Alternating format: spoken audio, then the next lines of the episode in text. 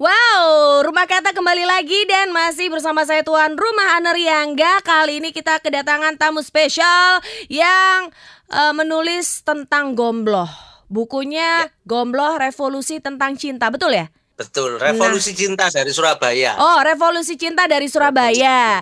Penulisnya ya ini nih orangnya nih, Guru Dimas Asmoro Geni. Waduh, namanya hmm. berat banget toh, Mas. Guru Dimas Nugraha. Oh, aslinya Guru nih Dimas iya. Nugraha. Ini nama nama penanya ya di uh, Guru Dimas Asmoro Geni ini.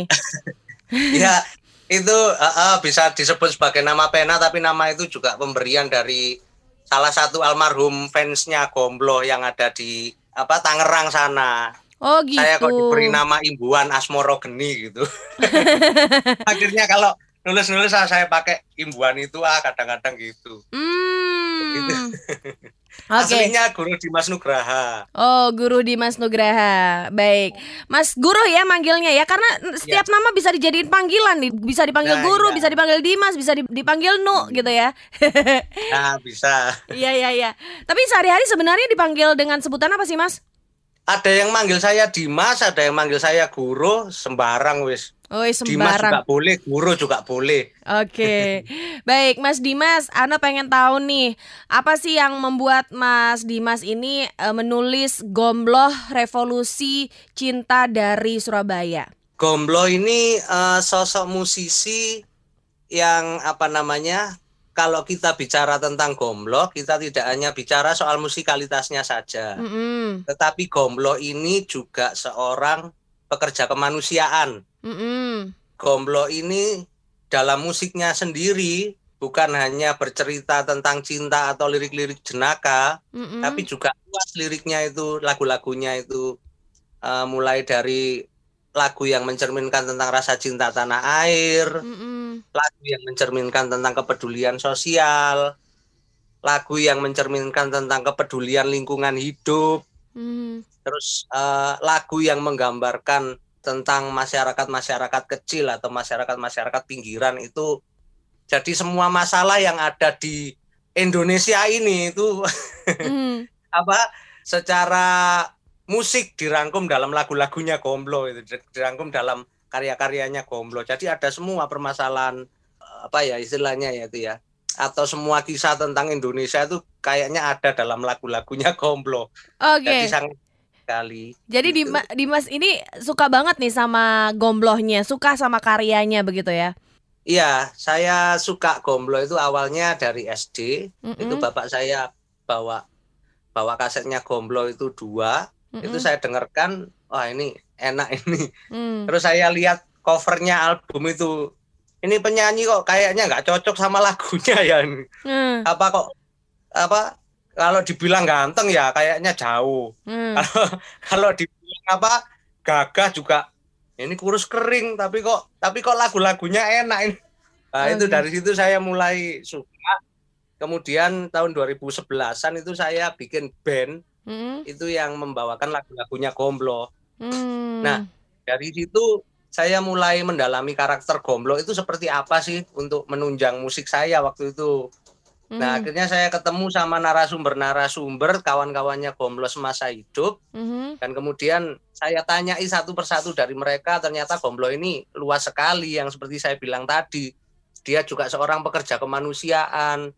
Jadi dia itu uh, setiap kali konser hmm itu dia pasti menyisihkan sebagian besar uangnya itu untuk masyarakat pinggiran, untuk tukang becak, untuk para pengemis, sampai Gomblo itu dipanggil Sinterklas dulu di Balai Pemuda waktu tahun 70-an. Wow. Karena dia pernah setiap setiap habis konser dia itu mengumpulkan pengem, apa ada pengemis 10 gitu. Mm-hmm. Itu dikasih uang satu-satu gitu. Terus kadang tukang becak itu dipanggil dikasih uang gitu. Terus yang paling yang paling dikenal masyarakat Surabaya ceritanya Gomblo saat menyantuni para PSK. Mm. Waktu itu di Doli, bekas mm. Doli itu dulu hmm. itu Gomblo ke sana dan dia uh, punya misi untuk mengentaskan mereka semua dari prostitusi. Jadi banyak sekali wanita-wanita yang ketika itu dientaskan Gomblo dari pekerjaannya sebagai PSK.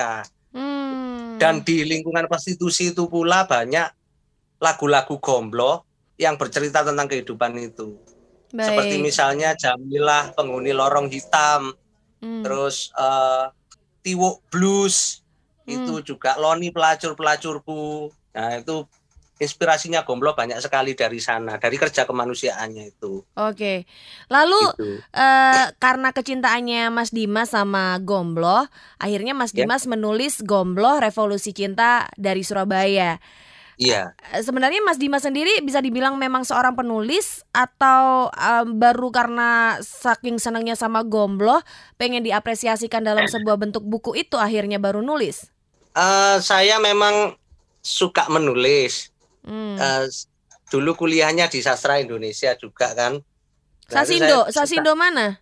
Erlangga Uner. Waduh, koncoku mana iki? Sampean ya Sasindo ta? iya. Saya angkatan 2003. Oh, oh 2003. Iya. Saya 2007. Oh. Halo Mbak. Ah, halo, Dek. Iya iya iya iya. Iya, iya. Terus gimana gimana? Jadi Nah itu saya eh, saya memang suka nulis. Mm. Nah, akhirnya ya itu gombloh ketemu saya ketemu narasumber saya tulis kemudian eh, saya posting di blog waktu itu. Hmm, Saya posting di blog tanggapannya orang-orang kok rame gitu. Wah ini sebaiknya ditulis dalam buku aja gitu. hmm, Akhirnya ya udahlah saya coba membukukan, coba mengumpulkan tulisan itu kemudian saya sodorkan ke Pak Aribowo, tahu Pak Aribowo? Iya tahu banget linguistik Ah. bukan sih itu? Itu dekan dekan waktu saya mahasiswa dia dekan Pak Aribowo itu. Oh dia dia masih ngajar linguistik nggak waktu itu? Ini kok jadi nostalgia ya? Sekarang jadi kepala penerbit Erlangga University Press. Oh I see. Nah, itu buku saya diterbitkan oleh Erlangga University Press itu. Oh. Tapi Nah, sebelumnya itu. tapi sebelumnya sudah pernah punya karya tulis yang diterbitkan juga nggak sih? Atau sudah aktif nulis-nulis selain di blog Oh. ada lagi nggak? pernah pernah diterbitkan buku-buku puisi itu eh, sama teman-teman teman-teman pelukis dari Surabaya ini pernah Mm-mm. eh, bikin puisi ada yang pelukis ada yang ada yang seniman nanu itu bikin puisi dibukukan pernah terus sama teater gapus itu pernah dibukukan juga Hmm. Eh, ya itu ya sekedar itu terus kemudian gomblo ini baru buku karya saya yang tunggal itu istilahnya Eh. ketika saya kuliah di sastra Indonesia kan ada jurusan filologi ya mbak ya Iya, iya betul. Nah itu saya menemukan di eh, waktu waktu diajarkan tentang tema-tema sastra Jawa lama Mm-mm. itu ternyata ada lirik-liriknya Gomblo. Oh. Kalau Mbak tahu kalau Mbak tahu album Sekar Mayang misalnya bisa bisa dengerin di internet lah misalnya Sekar Mayang itu satu album full Gomblo berbahasa Jawa yang itu ternyata liriknya diambil dari serat sastra Jawa lama. Oh. Ambil contoh seperti Hong Wilaheng itu dari serat karyanya Mangkunegara IV. Mhm. Terus ada serat Sekaring Jagat, ada serat Damar Wulan itu itu semua serat sastra Jawa lama Hmm. dan itu dirangkum Gomblo dalam satu album dan dimusikalisasi secara musik modernnya Gomblo. Jadi luar biasanya Gomblo itu di situ dia juga pemerhati karya sastra Jawa lama, kearifan lokal. Oh, Nah, itu. keren, keren, keren. Oke, nanti kita bakalan ngobrol lagi. Eh, istirahat dulu sebentar. Mau Ya. minum dulu boleh? Mau tarik Oke. nafas dulu mungkin dari tadi nggak nafas juga boleh ya. Tetap di sini di rumah kata.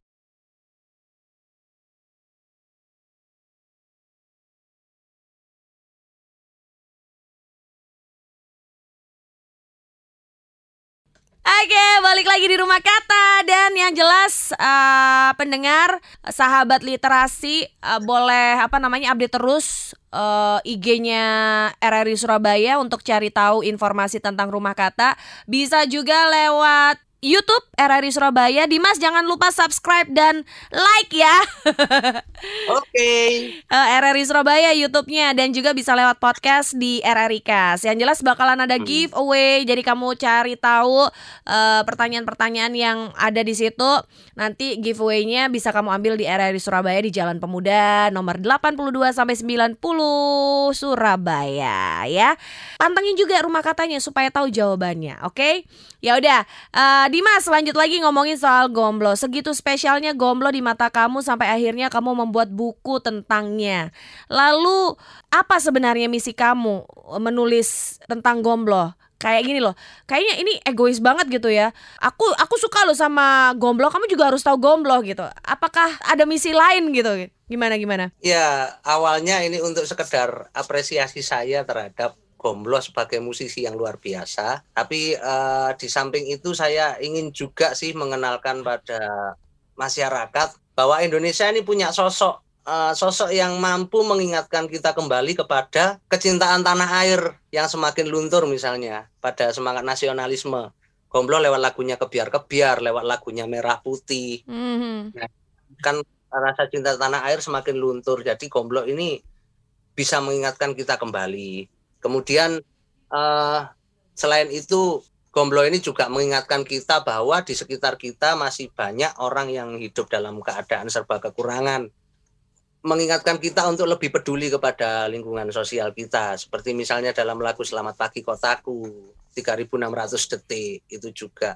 Dan Gomblo juga mengingatkan kita akan kepedulian lingkungan, akan kearifan lokal dan tradisi yang tidak apa tradisi yang semakin terkikis ini kalau bisa kita pertahankan seperti dalam lagu berita cuaca. Hmm. Nah itu seperti uh, lingkungan itu seperti Ranu Pane, seperti skala lagunya ada judul-judulnya itu itu Gomblo mencoba mengingatkan kita untuk lebih peduli kepada lingkungan. Jadi sebagai sekedar uh, sebagai untuk mengingatkan kepada masyarakat kembali bahwa kita punya seni, pernah punya seniman luar biasa yang namanya gomblo begitu. Oke, benar-benar. Jadi apa ya? Banyak di luaran sana yang suka sama gomblo, tapi juga banyak yang tidak tahu atau mungkin nggak mau tahu sama gomblo seperti itu. Yeah. Itu sih saya menurut saya buku kamu sudah menjembatani akan hal itu gitu, kebutuhan itu gitu. Oke. Okay. Yeah.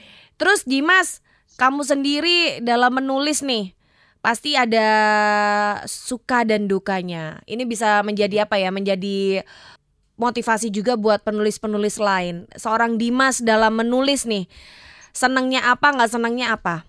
Kalau nulis sih ketika kita suka kepada satu hal, ya itu akan jadi akan jadi ringan semuanya ya. Jadi ya memang seneng nulis ya pada perjalanan kepenulisan ini ya ya memang saya jalani dengan senang hati jadi nggak nggak nggak ngalir ada, aja gitu ya? Iya ngalir aja. Jadi nggak uh, ada apa ya yang yang yang mengganjal atau apa nggak ada. Ya mungkin ketika nyari narasumbernya itu ya mungkin kalau ke keluarga kandungnya gomblo atau ke teman-temannya yang saya nggak tahu keberadaannya tiba-tiba ada informasi.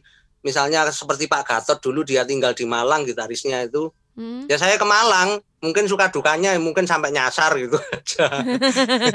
Sampai mau tembus gunung bro. Gunung apa itu? Gunung Semeru itu kalau nggak uh, salah. Uh, uh, uh, pernah itu nyari nyari alamatnya Pak Gatot. Ya mungkin suka dukanya ya dukanya ya cuma kalau misalnya nyasar nyari nyari narasumber gitu. Kalau untuk kepenulisan selama kita memang suka menulis maka itu akan jadi hal yang mudah untuk kita.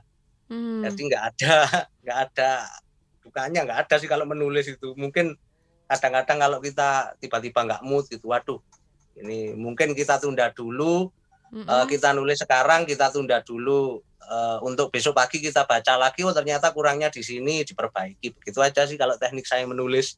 Gitu ya. Jadi uh, satu tulisan jadi itu saya diamkan dulu nggak saya baca lagi. Mungkin besoknya baru saya baca lagi. Lu kok elek saya ganti gitu aja oke okay. dan memang itu sudah kesukaan gitu jadi enggak Nggak iya. ada Iya sih, emang kalau ngelihat anak sastra tuh ya kayaknya gampang nulis. Saya aja sih sebenarnya anak sastra yang kalau nulis masih nyadet aja mau mulai dari mana gitu ya. mau nulis apa bingung masa resep masakan ya kan. Tapi Dimas, apa kegiatan kamu selain menulis apa? Saya musik juga, musik di Sekaring Jagat itu, mm -hmm. di musik main di kafe-kafe juga, juga ngajar hmm. ngajar di IC School Surabaya di Ngagel Tirto itu di situ. Hmm. Ngajar apa Begitu. emangnya? Ngajar sejarah. Oh, lo kok melenceng toh ya? Sejarah gomblo nggak jauh ya, nggak jauh ya? Jauh sejarah sama sastra Indonesia kan nggak jauh. Padahal di di di di apa Fakultas Sastra itu ada juga jurusan sejarah ya kan Iya. perasaan. Gitu. Tapi saya ngajar sejarah di situ.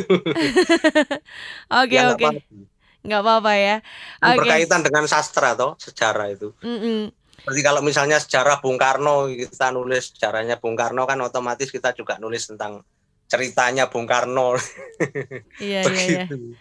Baik. Iya.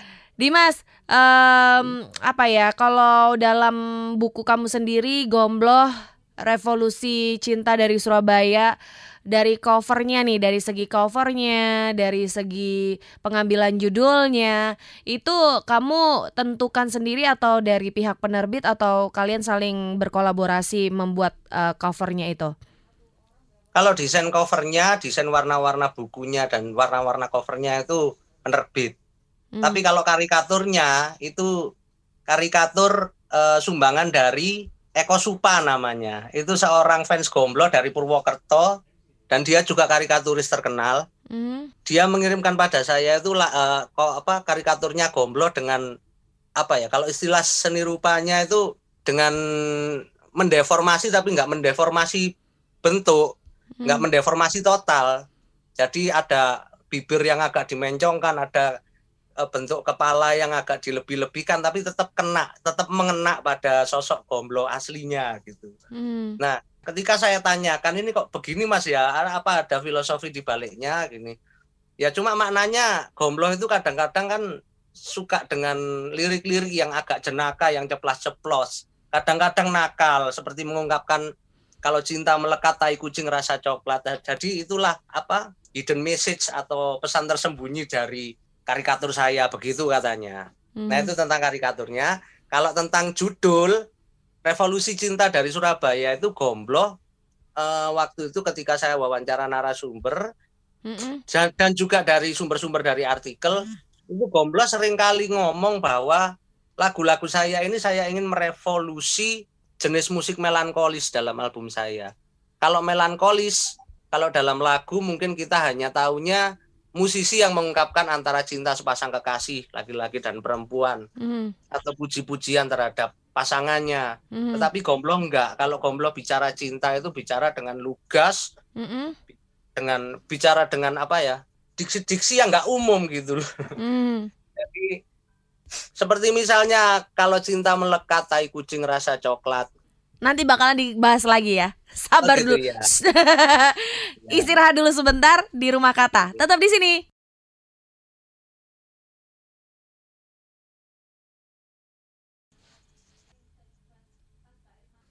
Baik, kita kembali lagi di Rumah Kata dan ingat selalu bahwa ada giveaway dari Rumah Kata always. Penulis-penulisnya eh, yang menjadi bintang tamu di Rumah Kata pasti akan memberikan buku-bukunya untuk bisa sahabat literasi baca ya. Jadi update terus di IG RRI Surabaya atau YouTube RRI Surabaya dan juga di podcast RRI Kas. Pantengin terus, update terus eh, supaya tahu jawabannya juga dan supaya bisa dapetin giveaway-nya. Kemarin ada loh yang dapat giveaway itu kalau nggak salah dari Jepang atau apa ya, lupa saya. Gila, keren banget sampai datang ke Surabaya. Dat eh bukan datang Surabaya, maksudnya eh, pemenangnya dari sana gitu. Ya udah. Eh jangan lupa subscribe dan like ya. Guru Dimas Nugraha atau Guru Dimas Asmoro Geni, nama pena eh, penulis kita yang unik satu ini, yang ternyata eh, seang ah, bukan seangkatan, maksudnya sefakultas, sepabrik dari sama Dunia gitu. ini bulat. Iya, ternyata. dunia ini bulat aja ternyata ya. Oke, Dimas, eh, supaya pendengar atau sahabat literasi bisa mengenal lagi kamu lewat karya tulismu, alangkah baiknya kalau kamu membacakan salah satu, salah dua paragraf yang ada di buku kamu, Gombloh Revolusi Revolusi Cinta dari Surabaya. Ya saya bacakan ya. Yes. Seorang wartawan dari koran nasional datang ke studio Nirwana. Ia berniat mewawancarai Gombloh. Selang 10 menit setelah Gombloh menyelesaikan rekamannya, mereka berdua saling duduk berhadapan. Wartawan itu bertanya, kalau menciptakan lagu, musiknya dulu atau syairnya dulu? Kata Gombloh, musiknya dulu, gripnya dulu, syair menyusul. Dan soal syair, saya sudah punya stoknya. Tinggal mencari yang cocok dengan musiknya. Nah kalau pas nggak ada, tinggal dibikin, paling 10 menit jadi. Wartawannya bertanya kembali, apa tidak butuh perenungan khusus, seperti misalnya menyendiri, mencari wangsit atau mencari inspirasi seperti seniman-seniman biasanya itu? Terus jawab Gomblo, saya ini nggak pakai yang melip-melip atau berlebihan gitu. Saya ini menungsan, saya ini insan manusia. Saya tidak mau diliputi oleh perenungan yang tidak-tidak Intinya, saya tidak akan berbuat sesuatu hal yang bisa membuat saya lepas dari jalur kemanusiaan. Begitu kata Gomblo. Jadi lagu-lagunya tidak pernah lepas dari jalur kemanusiaan. Lagu-lagunya tidak pernah lepas dari jalur-jalur jalur-jalur kemanusiaan. Ini kayaknya uh, sepaham banget sama kamu makanya uh, kamu sangat ini ya apa mengidolakan seorang gomblo. Sampai kaosnya pun yang kamu pakai sekarang juga itu kayaknya hmm. ada tulisannya gomblo juga ya. Memories of gomblo. Eh keren keren keren keren hmm. keren. Eh ada ini tadi kita sebelumnya ngobrolin apa sih? Sebelumnya tuh tadi sempat ngobrolin soal apa ya tadi? Lupa. Tapi apa ya tadi ya? Sempat sempat kelewat. Tapi yang jelas memang uh, apa kamu sendiri untuk ada tips nggak buat anak-anak muda yang pengen terjun dalam dunia penulisan? Kalau tips ya, kalau tips pengen jadi, pengen uh, misalnya menguatkan uh, menguatkan tulisan atau menemukan bentuk tulisan saya itu seperti apa sih? Ya setiap ada kejadian kamu tulis, setiap ada kejadian kamu tulis, setiap ada yang me, apa yang ditangkap oleh pikiran kita kita tulis begitu aja. Tapi juga sertakan juga imajinasi kita. Kita punya imajinasi apa kita tulis saja itu hmm. nanti akan akan melatih kita dengan sendirinya untuk menata uh, tata bahasanya tata tulisnya. Jadi dengan seringnya atau istilahnya jam terbang ya itu ya. Hmm. nah itu seringnya kita menulis itu akan terbentuk sendiri tulisan kita Tulislah gitu. apa yang kita dengar, apa yang kita rasakan, apa yang ada di ide pikiran. Pokoknya ditulis aja dulu. Nanti uh, masalah ngerangkainya ntar. Pokoknya bikin kerangkanya aja dulu ya. Iya. Kurang lebih Betul. seperti itu ya. Oke. Lalu uh, next project kamu ada project apa nih dalam dunia literasi? Next project saya sebenarnya punya angan-angan untuk membuat ensiklopedia musik Surabaya hmm. dari tahun 50-an tapi itu butuh riset yang sangat panjang. Karena dari tahun 50-an. Jadi Surabaya ini banyak menghasilkan musisi-musisi besar, mm-hmm. termasuk Tillman Brothers. Tillman Brothers itu kan yang jadi idolanya The Beatles itu. Mm. Dulu The Beatles lihat Tillman Brothers. Ya memang mereka dari NTT, tapi mereka besar di Surabaya. Mm. Mereka dari Flores kalau nggak salah, tapi mereka besar di Surabaya. Surabaya juga punya Bu Pijen, WR Supratman, mm. ya kan? Wah, banyak sekali. Surabaya banyak melahirkan legenda-legenda musik. Jadi saya ingin buat ensiklopedianya, tapi itu memerlukan proses yang sangat panjang. Jadi doakan aja, Mbak. Amin, amin, amin ya robbal alamin. Dimas, kamu ini kalau aku lihat dari tadi kita ngobrol ngalor ngidul tuh kamu kok vintage banget sih kesannya.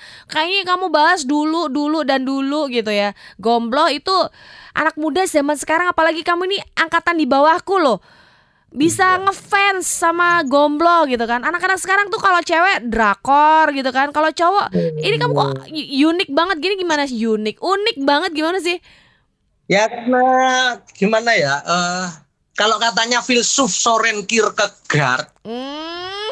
hidup eh, hidup itu kan harus dipahami dari masa lalu mm -mm. tapi menjalaninya tapi hidup hidup harus dipahami dari masa lalu mm-hmm. dan harus dijalankan dengan perspektif masa depan. Jadi tapi kita kita tetap butuh masa lalu karena masa sekarang yang ada adalah hasil dari proses masa lalu yang sangat panjang gitu. Catat ya sahabat literasi.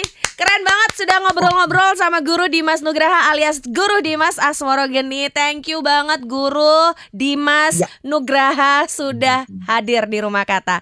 Nanti kita ketemu ya. lagi ya. Segera selesaikan proyekmu itu ya. tak doain ya. ini paling ya, ya tahun depan jadi ya. Oke. ya wes. Ya wes. Assalamualaikum. Bye bye. Waalaikumsalam.